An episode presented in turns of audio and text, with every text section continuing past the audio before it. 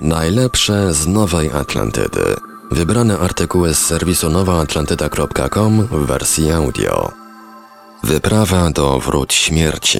List Grahama Hancocka.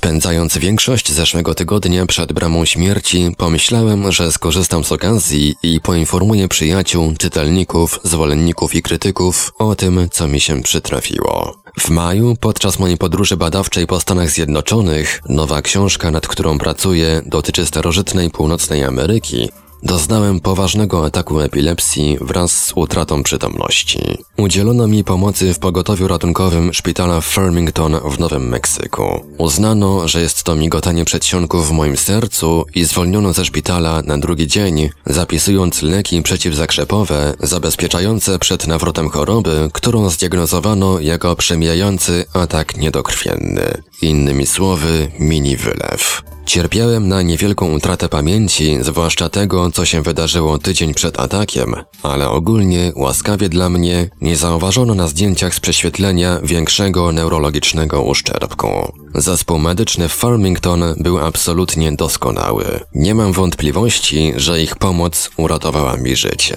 Mimo, że rzeczywiście miałem migotanie przedsionków, które mogło wywołać wylew, zakrzepy w sercu, okazało się, że ta diagnoza była kompletnie nietrafna. Odkryto to wczesnym rankiem w poniedziałek 14 sierpnia, kiedy w moim domu w Bath w Anglii miałem kolejny, o wiele poważniejszy napad epilepsji Grand Mal. I znów zawieziono mnie na pogotowie i potem na oddział intensywnej terapii. Znów zespół medyczny, tym razem z Royal United Hospital w Bath był absolutnie doskonały, pomagając mi ponad granice swoich możliwości. I znów ta interwencja uratowała mi życie. Tym razem napadów padaczkowych było więcej i częściej się powtarzały, a moja kochana żona, Santa, została poproszona przez neurologa na stronę, który poradził jej, aby była gotowa na najgorsze. Moją śmierć lub jeśli przetrwam, na poważne uszkodzenia mózgu, które zamienią mnie w warzywo. Było późne popołudnie w środę 16 sierpnia, kiedy zacząłem powracać do jakichś form świadomości, zaskoczony, że widzę Shona i Shanti, dwójkę moich dorosłych dzieci, które przyleciały z Los Angeles i Nowego Jorku, aby razem z Santą, a także Leilą i Gabriel, moimi dwiema córkami z Londynu, być przy moim boku. Przez dłuższą chwilę nie mogłem zrozumieć, co się stało, dlaczego mam cewnik w moim pęcherzu i dlaczego mój mózg działa jak przez mgłę. Przytomność powoli wracała. Zostałem przeniesiony na oddział neurologiczny w czwartek 17 sierpnia i ku mojej wielkiej uldze odłączono mi cewnik. Cały piątek 18 sierpnia pozostałem na oddziale neurologicznym. Byłem bardzo słaby, ale chwiejnym krokiem i o lasce zdołałem sam pójść do toalety. W piątek w nocy poczułem się znacznie lepiej. Wreszcie w sobotę wypuszczono mnie do domu. Przeprowadzone testy w sposób jasny wykazały, mimo to wciąż pozostaje tajemnicą o co w tym wszystkim chodzi, że napady epilepsji nie były wywołane zakrzepami krwi pochodzącymi z migotania przedsionków, ale raczej z długotrwałego używania leków na migrenę zwanych sumatriptan, podawanych zastrzykiem.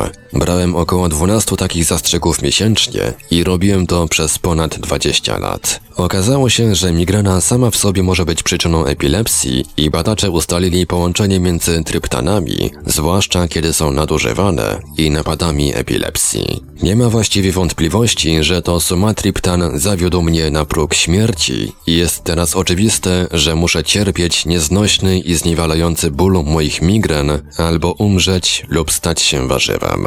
W międzyczasie przepisano mi potężną dawkę lekarstw przeciwepilepsyjnych Kepra, levetiracetam Milfarm i powiedziano, że muszę je brać przynajmniej przez rok. Zabroniono mi prowadzić auto, ale oprócz tego jestem w stanie funkcjonować. 48-godzinna, sztucznie wywołana koma, aczkolwiek przerażająca dla Santy i naszych dzieci, a nawet mnie samego, była co najmniej interesująca. Powstało wiele pytań. Gdzie byłem w czasie tych 48 godzin? Pamiętam tubę oddechową wepchniętą w moje gardło i potężne uczucie czyjejś inwazji i duszenia. Czy inne, pogmatwane, prześladujące wspomnienia, które przychodzą do mnie od czasu do czasu, są wspomnieniami doświadczenia śmierci? Tego, że byłem martwy? Tak jak podałem w kilku prezentacjach do wiadomości publicznej, miałem kiedyś doświadczenie śmierci 60 lat temu w wieku 17 lat, wywołane potężnym porażeniem elektrycznym. Pamiętam jak patrzyłem w dół na samego siebie spod sufitu, by nagle powrócić do swojego ciała. Moje migreny zaczęły się miesiąc po tym porażeniu i trwają do dziś. Jedną rzecz wiem na pewno. Jeśli nie rozumiałem tego wcześniej, to teraz wiem, że granica pomiędzy życiem a śmiercią jest niezwykle cienka, krucha i przenikalna. Czujemy się mocno zakorzenieni w naszym życiu, ale każdy z nas może przekroczyć tą linię w dowolnym momencie. Czasami wracamy,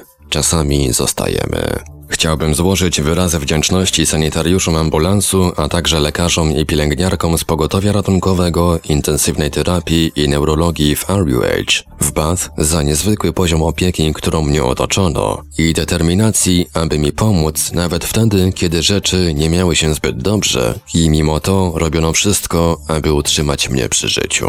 Chciałbym jeszcze powtórzyć moje podziękowania dla ich medycznych kolegów z Farmington w Nowym Meksyku, którzy pomagali mi w maju, także na absolutnie najwyższym poziomie. I oto jestem.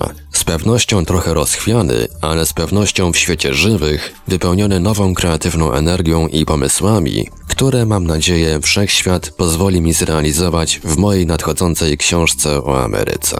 Co jest dziwne, czuję się jakby ktoś zdjął ciężar z moich ramion. Ciemność, jaka wisiała nade mną przez większą część tego roku, osiągnęła swój najwyższy punkt w maju, podczas gorącej debaty, w której Randall Carlson razem ze mną starł się ze sceptykami Michaelem Shermerem i prominentnym geologiem Marcim Defantem w programie Joe Rogan Experience. Skoncentrowaną na mnie nienawiść zawartą w komentarzach, jakie posypały się przez pierwsze trzy tygodnie po debacie, ledwie można dziś zobaczyć wśród tych, które dopisano później, ale w tamtym czasie wpłynęły bardzo źle na moją energię i intuicja podpowiada mi, że dołożyło się to do moich problemów zdrowotnych. Później zbadano te wczesne komentarze i ustalono, że ich duża liczba została stworzona przez niewielką grupę używającą różnych pseudonimów i często używając tych samych zdań, a nawet popełniając te same błędy ortograficzne. Nie wiem, czy był to celowy zamiar manipulowania opinią publiczną, czy coś innego i kto za tym stał. Z pewnością jednak mocno to we mnie uderzyło. Nienawiść jest podłą i okropną energią, nie tylko niszczącą tych, w kogo jest wymierzona, ale także uwodzącą tych, którzy ją wyrażają. Moja podróż do wrót śmierci w zeszłym tygodniu oczyściła energetyczny miazmat, który spętał mnie w ostatnim czasie i odnowiła moją siłę, by podjąć czekające w przyszłości wyzwania. Jesteśmy poważnie oszukiwani w temacie naszej przeszłości jako gatunek zanurzony w stan amnesji. Jest niezmiernie istotne, aby się obudzić. Jeśli ludzka rodzina ma przetrwać w tym pięknym ogrodzie na naszej planecie i jeśli chcemy docenić, tak jak powinniśmy, dar życia, świadomość, radość, i możliwość uczenia się, a także kochania, po to, aby móc rozwijać świat, którym wszechświat nas tak hojnie obdarzył. Graham Hancock, 22 sierpnia 2017 roku. Tłumaczenie Chris Miekina. Nowa Atlantyda. www.nowaatlantyda.com Czytał Ivelios. Wspomniana audycja Joe Rogan Experience z Grahamem Hancockiem dostępna jest do odsłuchania na Nowej Atlantycie. Mówią, że włączyć radio jest bardzo łatwo. No tylko, że z wyłączeniem jest już, powiedzmy, troszeczkę gorzej. Posłuchaj nieznanego.